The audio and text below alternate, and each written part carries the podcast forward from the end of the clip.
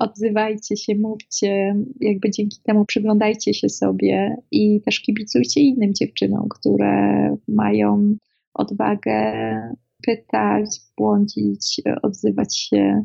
To by była taka moja rada dla Was.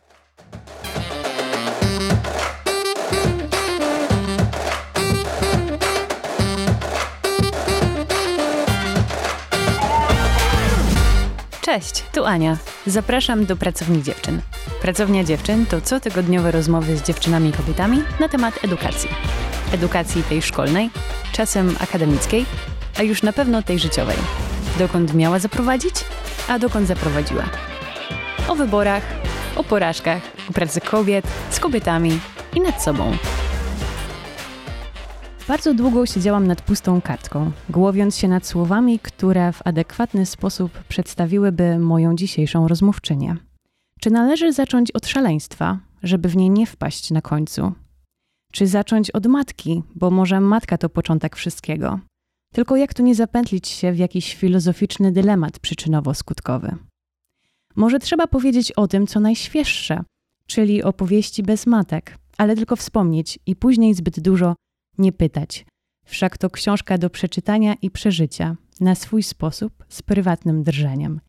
Swoją drogą absolutnie godna polecenia. Należałoby też powiedzieć o psychiatrii, tylko od której strony, żeby się nie zgubić.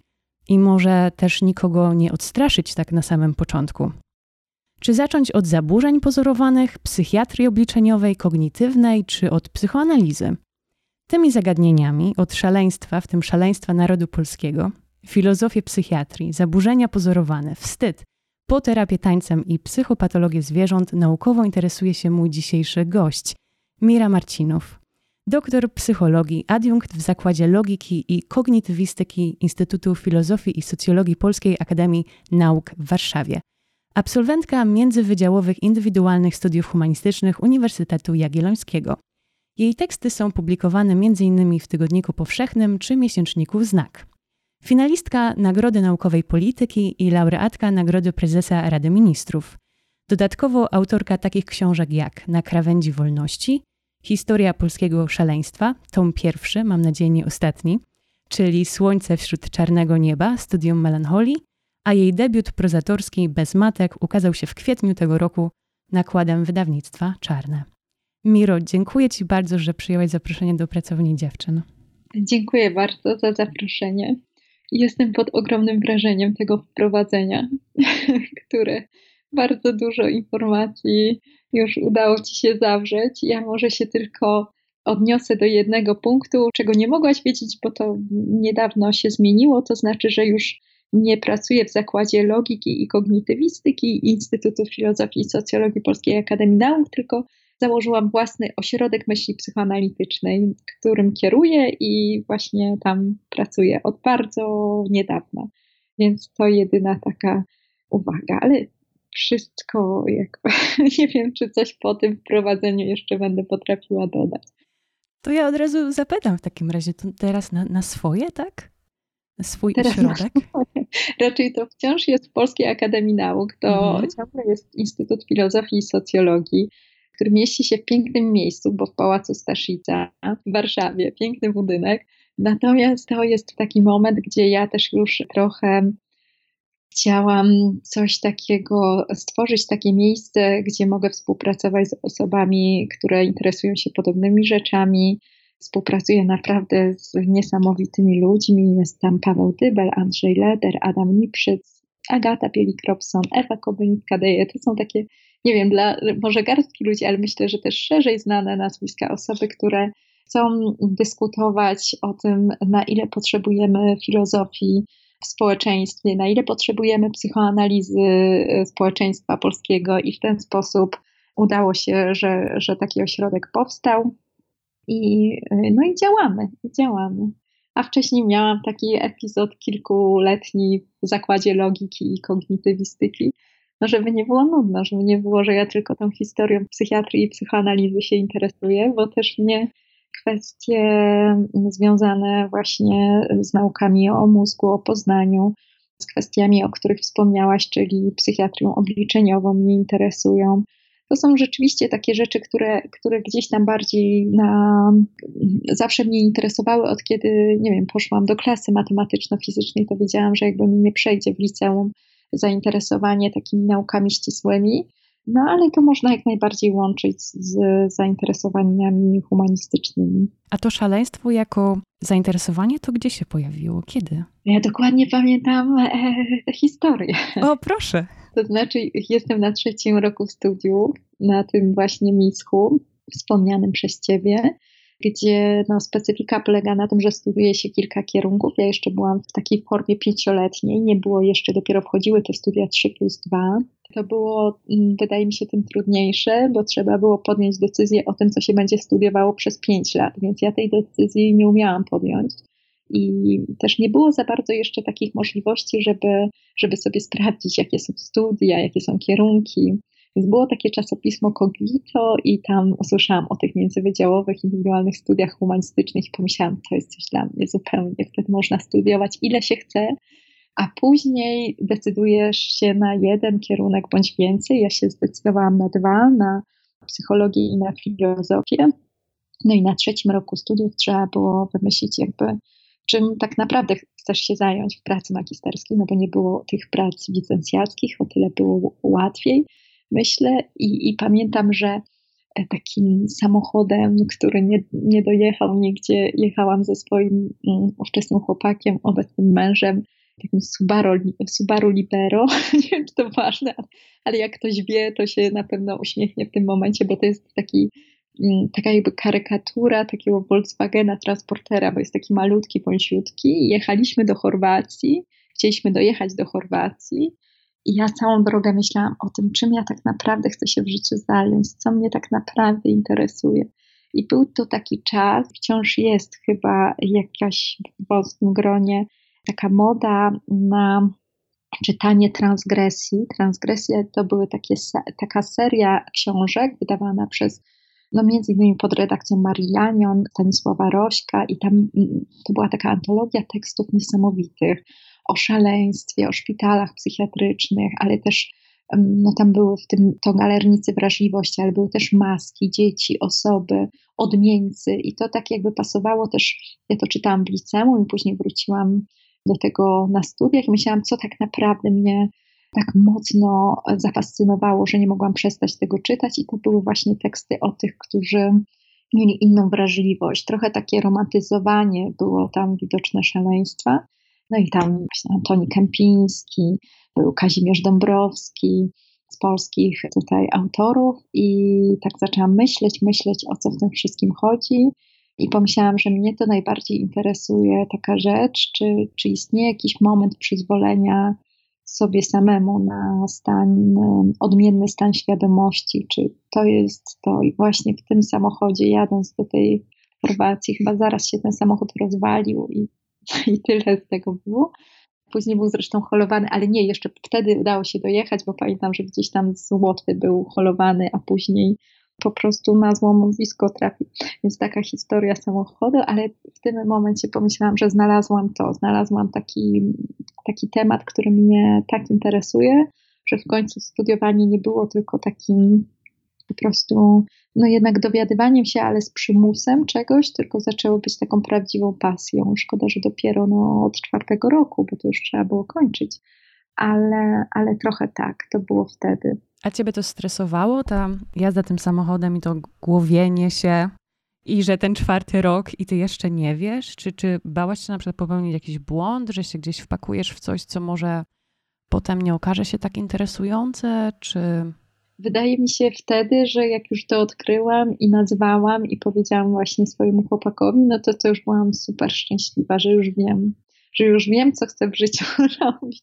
To się oczywiście sto razy jeszcze zmieniało i też chwilami myślałam, czy jakby to był dobry pomysł e, jednak takiego taplania się w, w takich trudnościach, różnych trudnych stanach emocjonalnych, bo chwilę później zainteresowałam się w związku z tym przyzwoleniem właśnie na stany odmienne opętaniem i to poszło w taką stronę rzeczywiście mroczną. Zaczynała się jesień, zaraz październik i to wszystko i ten ciężar.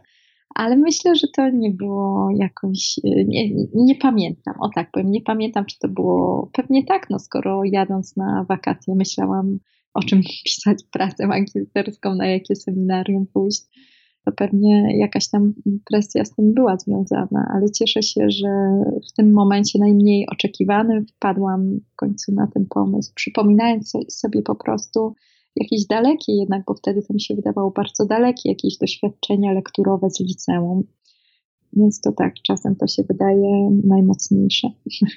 A były jakieś takie reakcje od Twoich przyjaciół, czy od chłopaka, czy od może kogoś w rodzinie, jak powiedziałaś, że no, interesuje mnie szaleństwo i opętanie i takie mroczne jakieś e, tematy i psychiatria i te odrapane może szpitalne ściany, czy, czy ktoś coś mówił, no tak, ale Mira, no, czy to takie wdzięczne jest? Bardzo ciekawe pytanie, bo wydaje mi się, że nigdy sobie e, go nie zadałam, nie pomyślałam, jak tam inni na to wtedy zareagowali. Na pewno pamiętam reakcję mojej mamy, no to także fajnie, że znalazłam coś, co mnie fascynuje. I też e, ten mój przyszły promotor, na przykład na psychologii, to się tak ucieszył, że mam ten temat, chociaż e, pamiętam, że ostrzegał mnie, bo ja myślałam o tym, żeby zrobić taką fenomenologię wejścia w szaleństwo, czyli z perspektywy pierwszoosobowej, że to ja będę wprowadzała się w różne stany, takie odmienne, trans i tak dalej, to był przerażony, powiedział, że najpierw ja trafię do, ja trafię do szpitala psychiatrycznego, a on trafi do więzienia, że to będzie nieetyczne.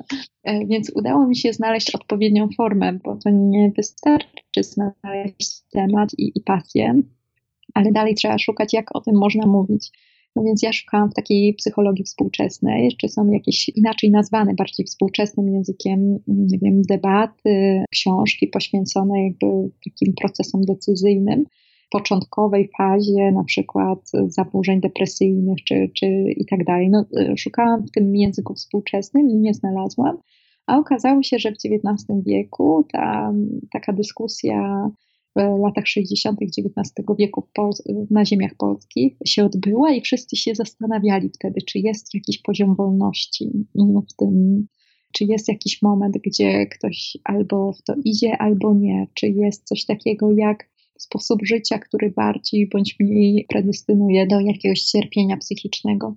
No i w taki sposób zajęłam się historią. Jakby na pewno jakby ktoś mi w liceum powiedział, gdzie no byłam w tej klasie matematyczno-fizycznej i już interesowałam się filozofią, językiem polskim też, ale historią nigdy. No to jakby ktoś mi wtedy powiedział, że ja się zajmę historią, albo na pierwszych trzech latach studiów w życiu bym nie uwierzyła, że to mnie spotka.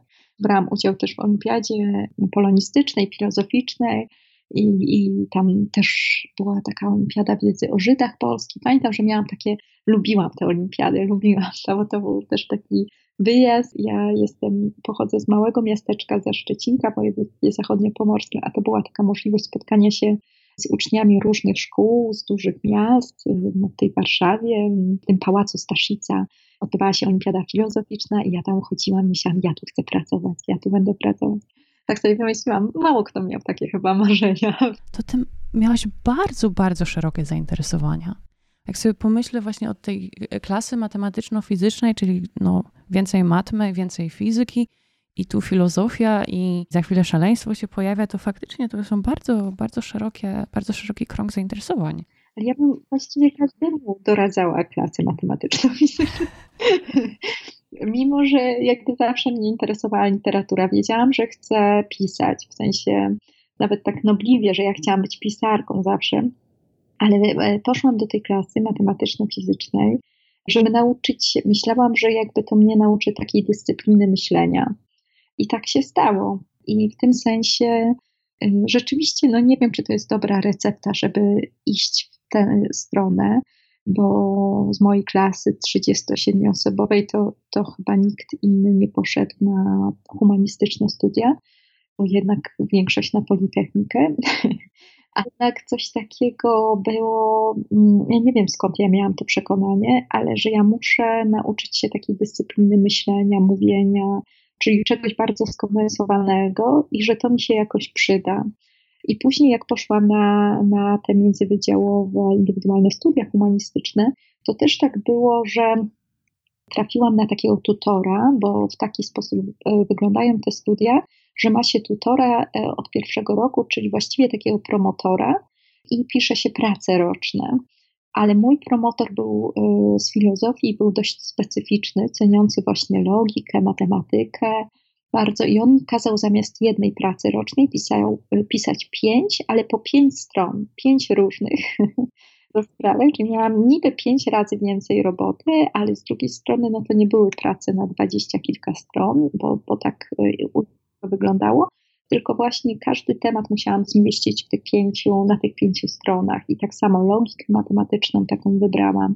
Czyli gdzieś tam, nawet się zastanawiam teraz, skąd mi to przyszło do głowy, czy gdzieś to przeczytałam, jakieś, co ja wtedy czytałam, Hermana Hessego, Gra Szklanych Paciorków. No miałam takie jakieś lektury swoje, nie wiem też skąd je wzięłam, które mi dały do myślenia, że jeżeli ja chcę jakoś um, dość swobodnie, nie wiem, posługiwać y, jednak literaturą, językiem literackim, filozoficznym, to ja muszę mieć jakoś takie matematyczne zaplecze, więc wydaje mi się, że to było jakieś narzędzie do i tak robienia innych rzeczy i dlatego naprawdę gdyby, nie wiem, moja córka, która naprawdę jeszcze nie ma siedmiu lat, więc raczej jeszcze się nigdzie tak nie wybiera, ale gdyby miała taki pomysł, mamo, chcę pisać literaturę piękną i powiedziała, że w związku z tym chcę pójść do klasy, nie wiem, matematyczno-fizycznej, to bym powiedziała, to jest dobry pomysł. Wiesz co, Mira, nasuwa mi się takie pytanie. Mhm. Czy nie uważasz, że taki podział szkolny na humanistów, czy klasę humanistyczną, a matwis,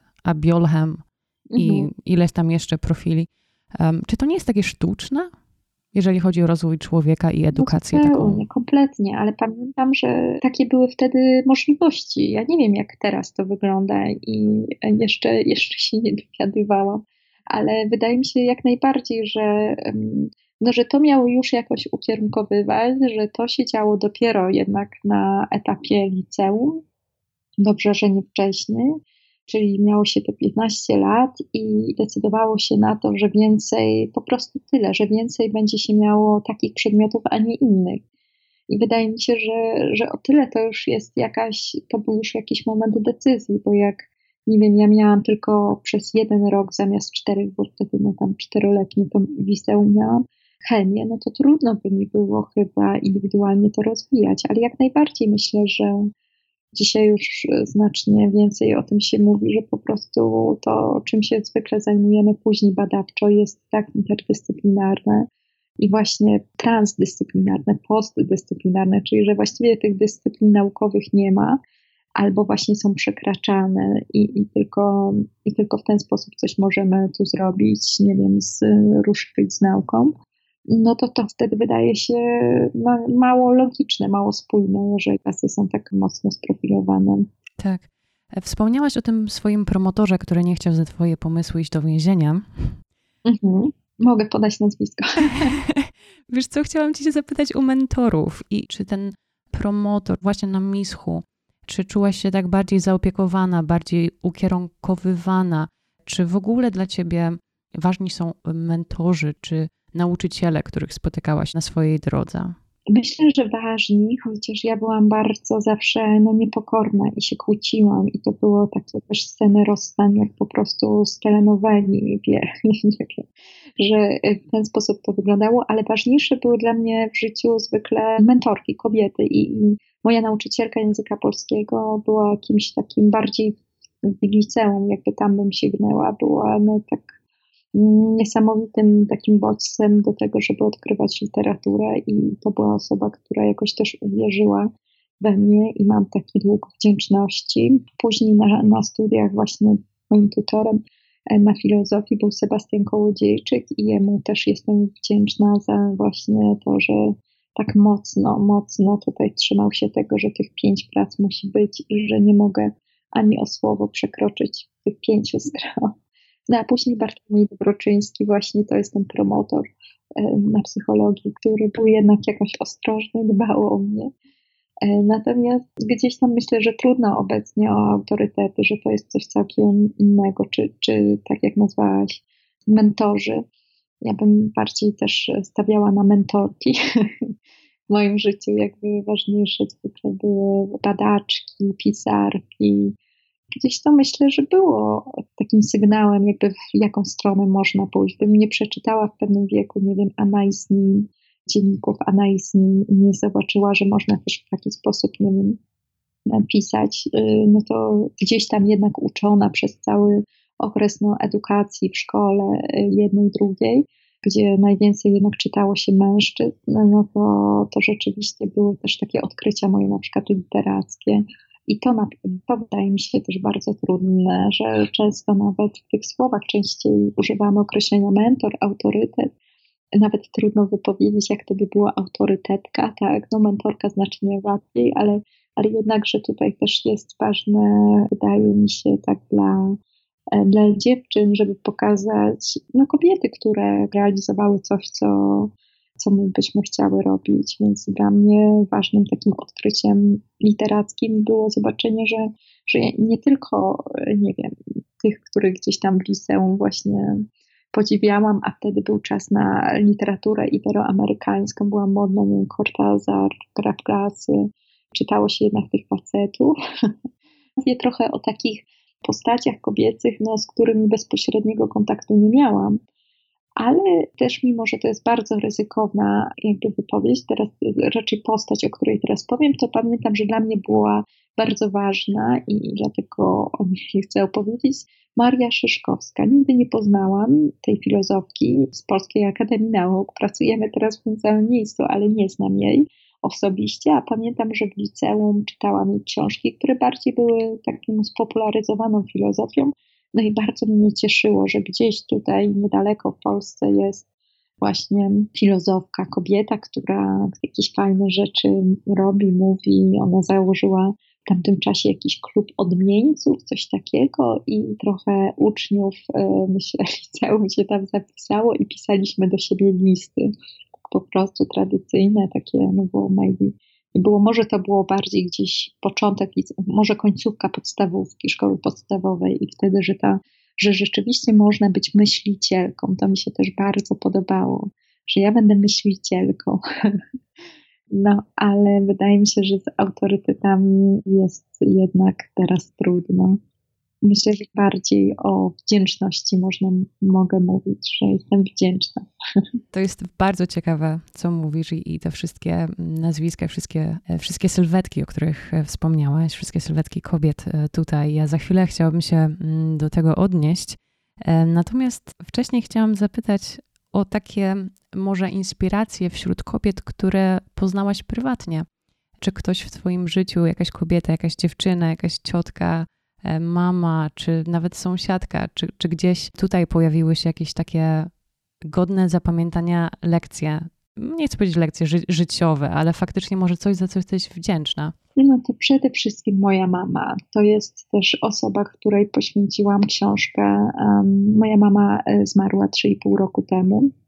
Napisałam książkę bez matek, która gdzieś też e, dotyczy tej relacji, no przede wszystkim relacji z matką, ale też E, jakby pisze tam o tym, w jaki sposób e, mnie uczyła życia, choć nie jest to opowieść autobiograficzna w tym sensie, że zawsze te pierwowzory różnią się od tego, tych literackich postaci, ale, ale trochę tam oczywiście tych rzeczywistych lekcji też się znalazło. To znaczy ta lekcja brzmiała tak, że najważniejsza w życiu jest pasja. I to nie jest typowy przekaz, y, myślę, rodzinny. Gdzie indziej, nie wiem, rozmawiam z przyjaciółkami, które po właśnie lekturze bez matka mówią, no widzisz Mira, a u mnie mówiono na przykład, że najważniejsza to jest praca, pracowitość, a zupełnie talent, jakby tutaj pasja, czyli też coś, co, co jest e, Twoją miłością, ale jednocześnie Twoim cierpieniem, bo nie potrafisz o niczym innym myśleć i nic innego robić, tylko oddajesz się tej swojej pasji. Na przykład w tych innych domach nie istniały i widzimy też wpływ tych filozofii życiowych wyciągniętych z domu, mimo że mamy już no, swoje lata i wydawałoby się, że inne czynniki na nas mogłyby mieć tutaj wpływ, to, to jednak gdzieś tam tego się trzymamy. Więc u mnie ta lekcja brzmiała, że najważniejsza jest pasja i żeby się uczyć, żeby się uczyć, żeby być niezależną dzięki temu też finansowo, ale też niezależną tak bardziej szerzej w sposobie myślenia. I ja pamiętam też taki moment, gdzieś właśnie, gdy poszłam na studia, że się przeraziłam tą lekcją e, matki, że, że ta pasja ma być dla mnie najważniejsza, bo zobaczyłam, że pasja to też jest właśnie cierpienie, że jest to rodzaj takiej namiętności do nauki, na przykład do tworzenia, który no nie pozwala ci czasem szczęśliwie żyć. Czyli tylko właśnie koncentrujesz się bardzo na tworzeniu, które jest e, wtedy niesamowitym, nie wiem, obiektem przynoszącym nie wiem, poczucie spełnienia, ale też rozczarowania, frustracji i tak dalej. Więc to myślę, że to jest ta główna postać dla mnie. Myślę, że dla, dla wielu jednak postać, e, figura matki jest taka formacyjna, e, ale też były inne ważne osoby, które no, naprawdę, ja bym właściwie każdej z kobiet w moim życiu przyznała jakieś takie osobne, informacyjne miejsce, to znaczy i moja babcia, właśnie mama mojej mamy, która miała całkiem inne podejście, ale która też wielu rzeczy właśnie mnie z innej perspektywy nauczyła. Moja siostra starsza o pięć lat i dwie siostry cioteczne, które też czegoś uczyły wspomniana nauczycielka języka polskiego, która była no po prostu też już e, nie żyje, chociaż bardzo, bardzo była młoda. I ona właściwie też mi pokazała, że można, że właściwie można wszystko. I gdzieś tam wydaje mi się, że mam szczęście, szczególnie do starszych kobiet w moim życiu, chociaż od młodszych również się bardzo wiele uczę od moich y, studentek. Właściwie y, jakoś widzę taką też możliwość y, takiego transferu, jakby wymiany inspiracji. I pewnie dlatego, że tak dużo tych kobiet ważnych dla mnie jest, w ten sposób mm, chyba wymienić no tutaj każdej, bo, bo bym się czuła nie fair wobec pozostałych. Oczywiście. A myślisz, że ta pasja to jest jedna z takich lekcji, które byś chciała też swojej córce przekazać? Właśnie mam wątpliwości.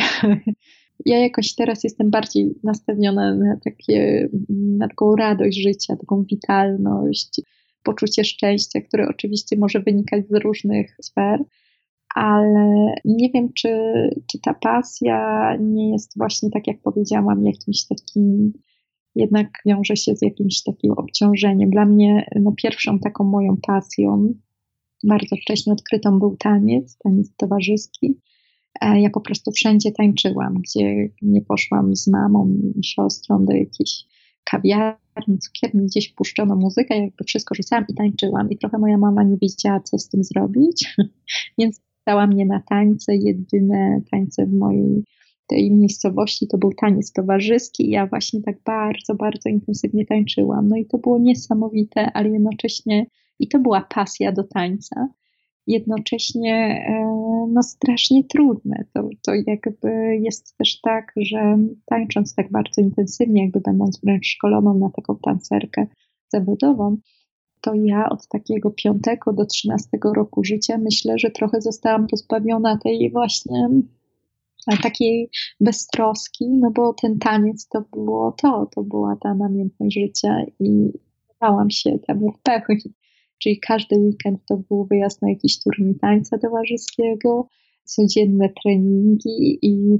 mam też poczucie właśnie takiej wdzięczności, że do, do teraz tańczę i, i, i, też dużo zawodowo rzeczy z tym robiłam, ale jednak e, też mam poczucie, że nie da się no po prostu e, jak to się mówi, mieć tortu i zjeść tortu, czyli że może na pewno jakby w tym czasie można było być no, dzieckiem gdzieś tam biegającym po podwórku. Nie, że tak zupełnie nie biegałam, no ale na pewno biegałabym więcej, gdybym właśnie w tak wczesnym okresie nie odkryła i nie była jakby przy tym mobilizowana do tego, żeby to robić, tej swojej e, właśnie pasji tanecznej. Więc mam takie mieszane uczucia, nie potrafię jednoznaczne powiedzieć.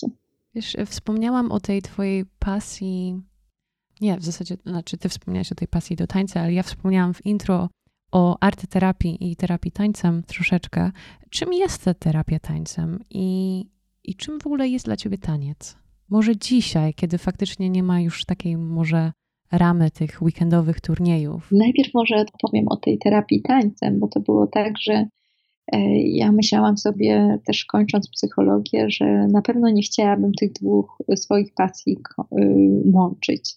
to znaczy właśnie odkrytej podczas studiów mm, właśnie zainteresowania psychologią, no i tańca, który w tym czasie e, studenckim no nadal trenowałam, byłam instruktorką tańca towarzyskiego wtedy i przede wszystkim sama występowałam w takim teatrze tańca w Krakowie. I tak myślałam, że to jest taka artystyczna ścieżka, a to jest taka naukowa i obym tego nie połączyła. I była taka sytuacja, że miałam obowiązkowe praktyki w szpitalu psychiatrycznym, obowiązkowe praktyki dla takiej ścieżki klinicznej, którą wybrałam z psychologii.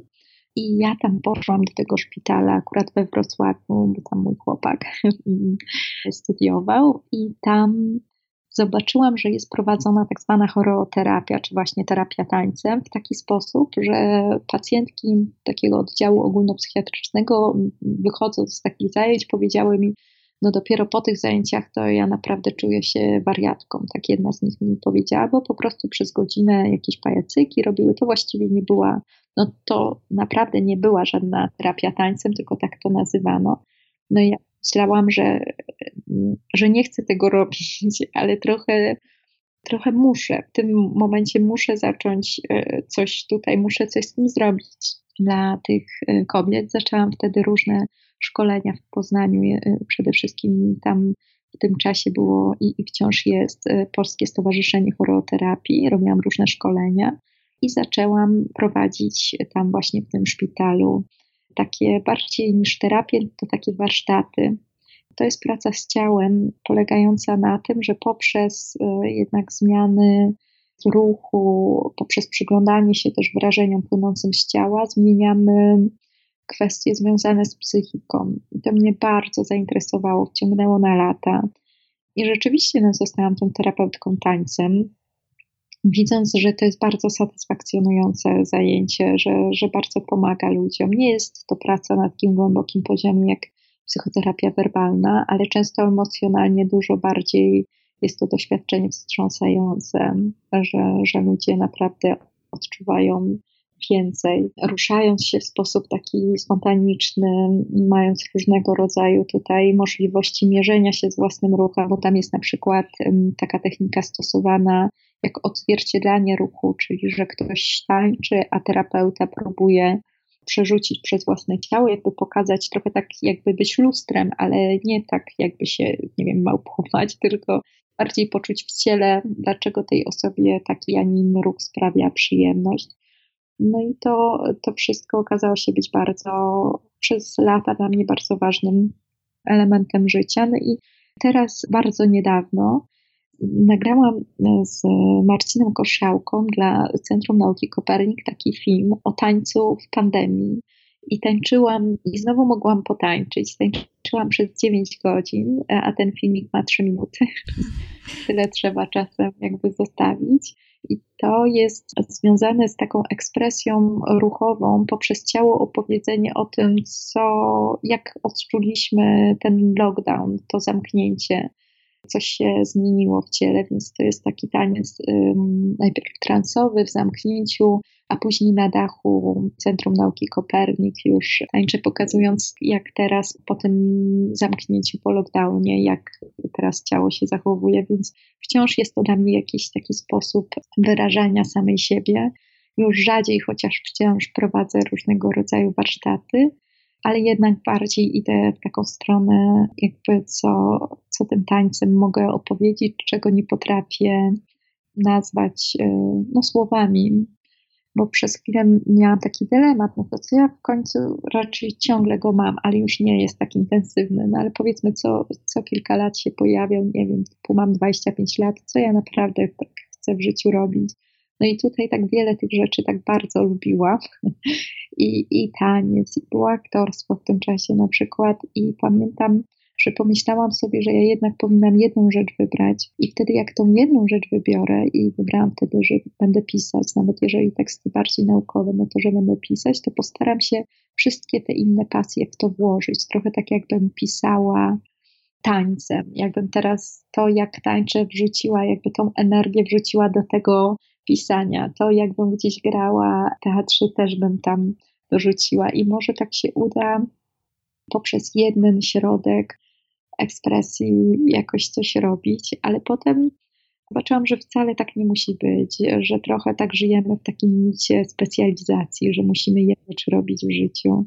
Też często o takich ważnych postaciach historycznych, które dużo osiągnęło, których uczymy się na lekcjach, mówi się, że tylko jedną rzecz ktoś, ktoś tam robił, zajmował się, nie wiem, ten tak. był pisarzem, ten to, to kimś tam, a poznając biografię tych e, postaci widzimy, że, że wcale nie, że robi 10 rzeczy naraz, a po prostu z jednej zostali e, zapamiętani. Więc ale bym tak e, mocno, coś co było moją taką wewnętrzną presją, że ja muszę się gdzieś tutaj na coś zdecydować, no bo oczywiście z drugiej strony robienie też tylu rzeczy naraz jest bardzo wyczerpujące, więc fajnie by było się określić, ale pamiętam też na taki, że też sobie coraz bardziej pozwalałam na to, że będą różne okresy w życiu, że czasem będę bardziej na tym się koncentrowała, czasem na tym. No i czas ocenić, co jest może najlepsze, ale ważne jest, co, co jest mi potrzebne, więc myślę też, żebym już teraz tak sobie sama no nie budowała takiego napięcia, że ja muszę robić jedną rzecz w życiu, bo inaczej to no, jak się um, chce złapać kilka srok za ogon, to wiadomo. Jest piękne, co mówisz. Bardzo mi się to podoba. Podoba mi się ta wielowymiarowość, którą starasz się przekazać, właśnie łącząc najróżniejsze dyscypliny i ta okresowość. Wyraziłaś taką potrzebę, na przykład zajęcie się jedną rzeczą w danym okresie. Bardzo mi się to podoba i ja się strasznie utożsamiam z tym, co powiedziałaś i odeślę oczywiście wszystkich do filmiku. Wspomniałaś o tym, o byciu trenerką tańca. E, wiemy też, że wykładałaś na uczelniach, uczyłaś. Odnajdujesz się w roli nauczycielki? Bardzo, bardzo. Ja to uwielbiałam po prostu to tak mówię w czasie przeszłym, bo już znacznie rzadziej to robię, ale jak miałam taką możliwość, to aż przesadzałam zupełnie. To znaczy, żeby powiedzieć o tej skali przesady, to nakreślę, że w ciągu mm, semestru jednego prowadziłam 15 kursów, każdy po 30 godzin, czyli ja tygodniowo prowadziłam 30 godzin dydaktycznych zajęć. I mm, robiłam to, czyli bardzo zachładnie, czasem od 8 do 20. No tak, większość dni, potem od poniedziałku do środy, pamiętam nawet tak sobie układałam grafik, że wpadałam w taki trans wręcz e, wykładania, mm, rozmawiania. Oczywiście czasem to było aż takie mylące, bo nie wiedziałam, czy ten dowcip już opowiedziałam w tej grupie, czy jeszcze, czy jeszcze nie. Czasem liczyłam po prostu na spontaniczność albo wyrozumiałość studentów, jeżeli powiem dwa razy ten sam dowcip i sprawdzę, kto tak naprawdę się śmieje, a kto tylko markuje. W każdym razie naprawdę to też um, na kilka, na, takich, na takie lata najbardziej studiów doktoranckich, kiedy prowadziłam ćwiczenia, no ale też chwilę później, jak już zdobyłam tytuł doktora, no to mogłam prowadzić też wykłady i to było niezwykłe, ale też przyznam, że e, choć gdyby wtedy ktoś mi o tym powiedział, że tak jest, to bym chyba, nie wiem, zabiła, że trochę tak po prostu, gdy już urodziłam pierwsze dziecko, to trochę mi przeszło, o tak powiem. Czyli było takiego też, e, mimo że zawsze byłam ze studentami e, na ty, bardzo równościowy i partnerski stosunek mieliśmy, to jednak okazało się, że chyba trochę tam było takich chęci matkowania, czy, czy jakichś macierzyńskich. Sama się przyłapałam na tym, no, że trochę mi jakby przeszło, przeszła ta chęć do nauczania, chociaż z drugiej strony, no to po prostu e, byłam też bardzo wyczerpana, zmęczona, opiekując się małym dzieckiem, więc może dlatego e, też trochę mi się ta chęć zmniejszyła ale naprawdę to jest coś, co jest niezwykle, no to taki banał. Ludzie mówią, że właśnie to jest takie inspirujące, no ja to pamiętam jako coś takiego, że każdy dzień to nie wiadomo, co się, co się po prostu wydarzy, bo też te zajęcia często prowadziłam w różnych miejscach, chodziliśmy do jakiejś galerii, muzeów, te zajęcia się odbywały w parkach, na łące, no i oprócz formy czy, mm, czy tego miejsca, no to też były takim, taką możliwością, jakby zachęcałam do tego, żebyśmy rozmawiali, żebyśmy się nie zgadzali, kłócili, inspirowali nawzajem. Więc gdzieś tam miałam trochę taki też romantyczny obraz takiego po prostu tutaj tworzenia takiej przestrzeni no, ważnej mm. jakoś dla obydwu stron. Ostatnio będąc na spotkaniu autorskim w Gorlicach, miałam taką sytuację, że przyjechała moja studentka z Krakowa i to było bardzo miłe, że tak po tylu latach jakby doliczyłyśmy się, że po dziewięciu latach ona chciała przyjechać i mi podziękować i rozmawiałyśmy jeszcze o tym, więc to daje rzeczywiście takie poczucie satysfakcji. E, to na pewno jest fajny, fajny zawód, taki przy, przynajmniej nauczyciel akademicki. Nie wiem, jak to jest być nauczycielką w liceum, w szkole podstawowej, ale to, to już musi być zupełnie, wydaje mi się, bardzo no, inspirujące, fajne, tak móc no, w innych osobach y, młodszych jakoś zaszczepić taką, no właśnie, a jednak pasję do różnych no, takich naszych zainteresowań. A co byś powiedziała dziewczynom z tej perspektywy nie nauczycielskiej, ale właśnie po tych wszystkich studiach, być e, już, już będąc absolwentką, podejmując takie wybory edukacyjno-zawodowe, co byś powiedziała może młodszym dziewczynom, które myślą o, o studiowaniu psychologii czy E, czy zastanawiają się nad e, filozofią? Tak, wprost to strasznie trudno mi dawać rady innym, bo wydaje mi się, że nie jest to takie proste postawić w takiej pozycji kogoś, kto radzi innym, ale jak o tym mówiłaś, o okresie właśnie bardziej studiowania, to pomyślałam o tym, że jednak bardzo długo nie odzywałam się na ćwiczeniach, warsztatach, konwersatoriach, seminariach, że gdzieś tam byłam tak socjalizowana do tego, jak wiele dziewczyn, przynajmniej w Polsce, do tego, że gdzieś tam, żeby się tak nie wychylać, nie odzywać. I były oczywiście takie kursy, przedmioty, gdzie bardziej prowadzące zachęcały tą część y, właśnie dziewczyńską, żeby się odzywały jednak. Ja to też robiłam jako osoba później prowadząca zajęcia i to bym na pewno jakoś radziła, żeby, żeby się przemóc, żeby spróbować, żeby powiedzieć kilka głupich rzeczy, ale powiedzieć je na głos, bo to bardzo dużo, bardzo dużo daje. Umiejętność zadawania pytań, żeby naprawdę stawiać te pytania. Ja się tego bardzo późno nauczyłam, bo byłam na takim już na studiach doktoranckich, na stypendium w Nowym Jorku. Miałam taką możliwość, żeby być tam na tych najfajniejszych uniwersytetach. I tam mi mówili, że jak zadajesz pytania, to tak jakbyś starała się trochę o, o pracę gdzieś tam właśnie na tych uniwersytetach. Ja nie starałam się o pracę tam, ale to mnie odważyło do tego, żeby stawiać pytania, żeby zadawać te pytania nie tylko po to, żeby dobrze to robić, ale też, żeby właśnie zachęcać do dyskusji. I to by chyba tak wychodzi, była moja rada, żeby pozwolić sobie też na to, że możemy najpierw trochę, trochę pobłądzić, ale jednak pobłądzić na głos, bo wydaje mi się, że dużo dziewczyn traci na, w okresie edukacji na tym, że gdzieś tam świetnie wypada w jakichś pracach, esejach, rozprawkach. Na piśmie lepiej wypada, a gdzieś na zajęciach zwykle nawet na takich studiach, które są sfeminizowane jak psychologia, chociaż no, akurat filozofia jest z kolei zmaskulinizowana, ale zwykle studenci, właśnie mężczyźni się odzywają, więc tutaj po prostu dziewczyny, miejcie głos, wasz głos jest ważny, odzywajcie się, mówcie, jakby dzięki temu przy, przyglądajcie się sobie i też kibicujcie innym dziewczynom, które mają odwagę pytać, błądzić, odzywać się. To by była taka moja moja rada dla Was.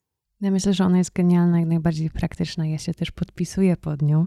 Chciałabyś coś polecić, jakąś książkę, jakąś pozycję, jakiś film, cokolwiek, coś, co Cię ostatnio zatrzymało, czy wzruszyło, czy kazało się troszeczkę tak zastanowić nad sobą do naszego kanonu lektur pracowni? Ojej, to bym musiała jakoś jeszcze, jeszcze o tym pomyśleć, bo mówisz, że ostatnio, tak? Raczej ja mogę powiedzieć, że jestem, e, jeśli chodzi, bo to nie tylko książki. Nie, co, cokolwiek. Może na przykład uważasz, że warto jest poznać jakąś filozofkę, jak, jakieś jej prace czy myśli? No ja teraz w większości czytam kobiety.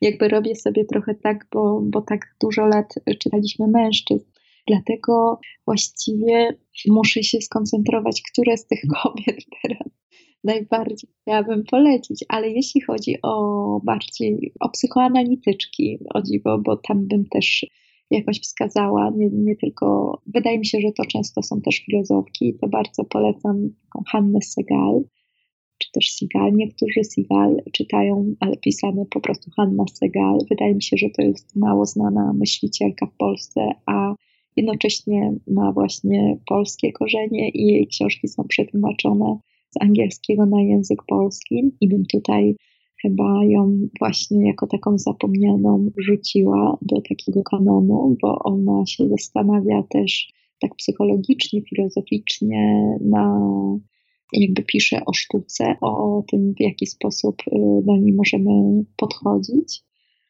A jeśli chodzi o. Ja bym chciała też, bo to jest fajne medium, moim zdaniem dzisiaj najmocniejsze, to znaczy serial. Ja bym chciała się przyznać do takiej mojej miłości sprzed lat do serialu Dziewczyny, Girls.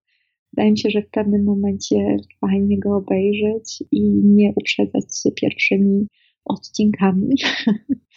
to tak bym powiedziała. I jeśli chodzi o filmy, mogę jeszcze filmy? Oczywiście, tak, proszę. Z różnych dzieci.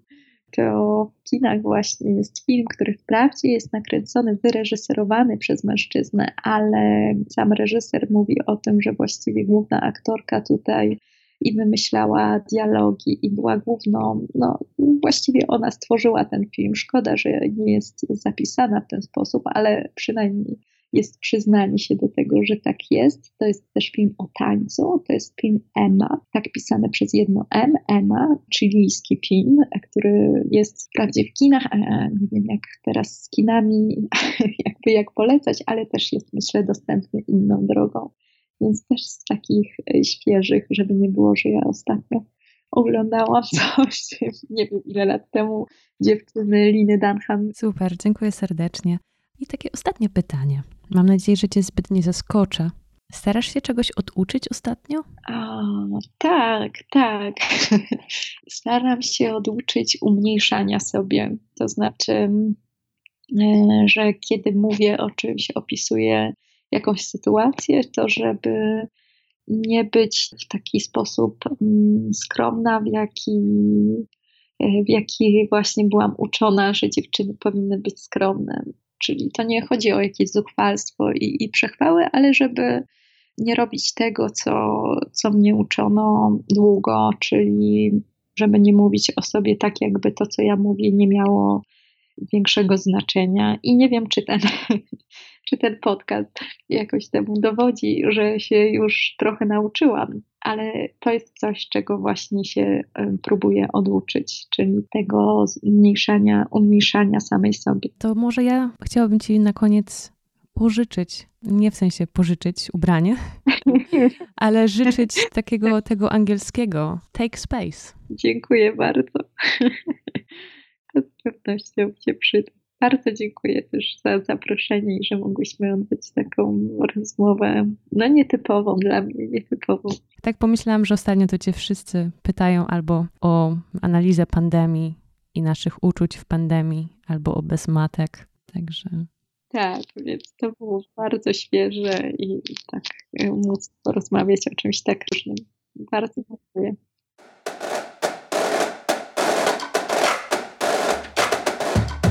Takim właśnie sposobem zakończyła się moja rozmowa z Mirą Marcinów. Mam nadzieję, że miło Wam się jej słuchało. Bardzo polecam Wam debiut prozatorski Miry, czyli Bez Matek, wydany nakładem wydawnictwa Czarne. A w opisie odcinka znajdziecie link do wideo o tańcu i o ciele w pandemii, o którym wspomniała Mira. Dziękuję Wam z całego serca za wysłuchanie tego odcinka. Super, że jesteście. Jeśli macie ochotę, wpadnijcie do pracowni na Instagramie, pracownia dziewczyn pod, pod, czyli podcast w skrócie, gdzie inspiracje, cytaty, propozycje do kanonu lektur pracowni i wiele, wiele więcej. Pracownię dziewczyn znajdziecie na Apple Podcast, Spotify i innych platformach streamingowych. Kolejny odcinek? No kiedy? Oczywiście, że w czwartek. Do usłyszenia.